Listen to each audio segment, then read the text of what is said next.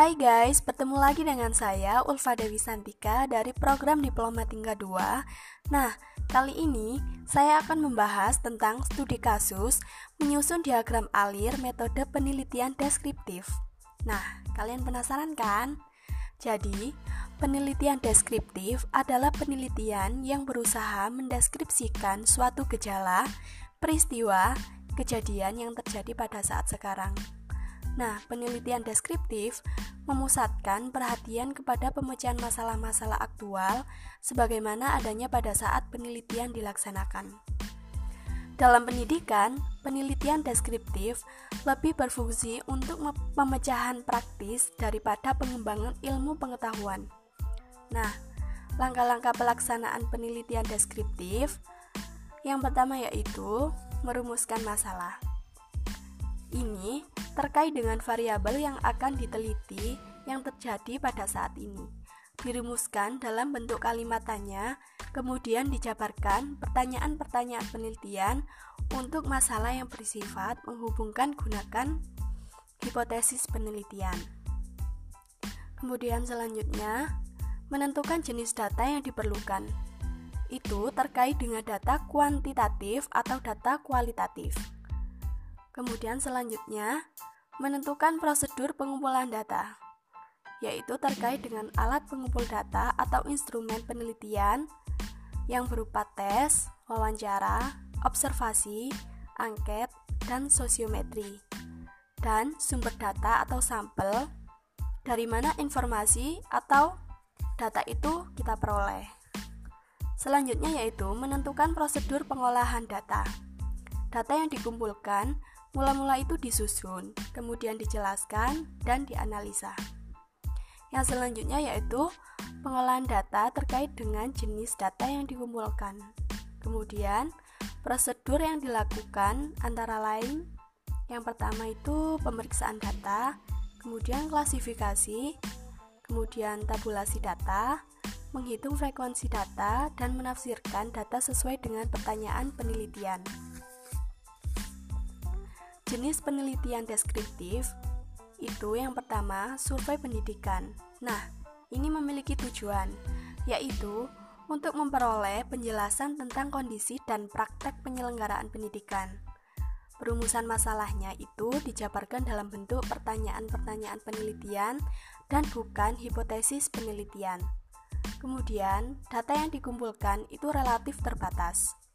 Nah, selanjutnya yaitu studi kasus. Perumusan masalahnya itu dijabarkan dalam bentuk pertanyaan-pertanyaan penelitian. Data yang diperoleh dari berbagai sumber yang terkait dengan kasus yang diteliti.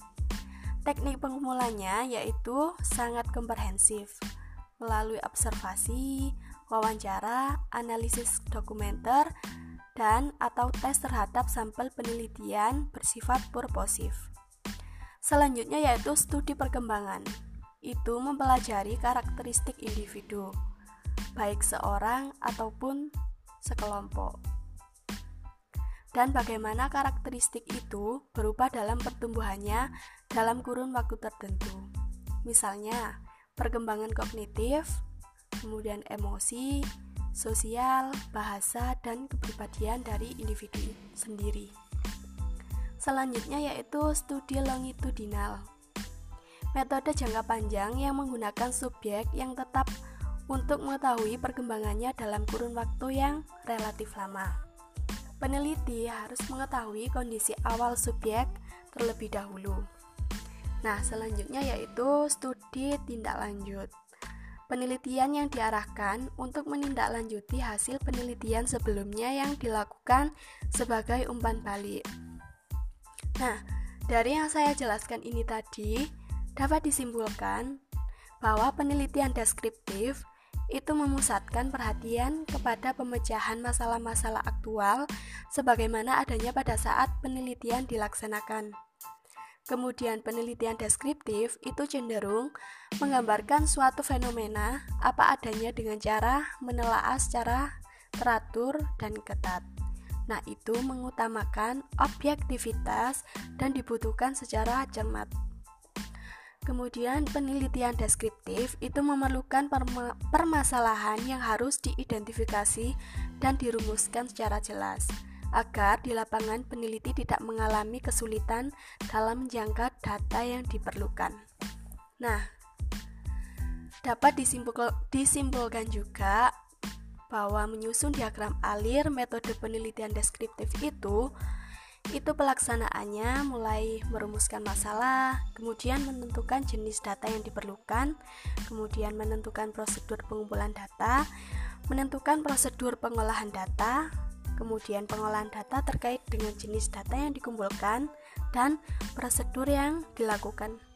Antara lain itu tadi, yaitu e, pemeriksaan data, klasifikasi data, dan tabulasi data. Nah, sekian dari saya, semoga bermanfaat dan sampai ketemu di episode selanjutnya.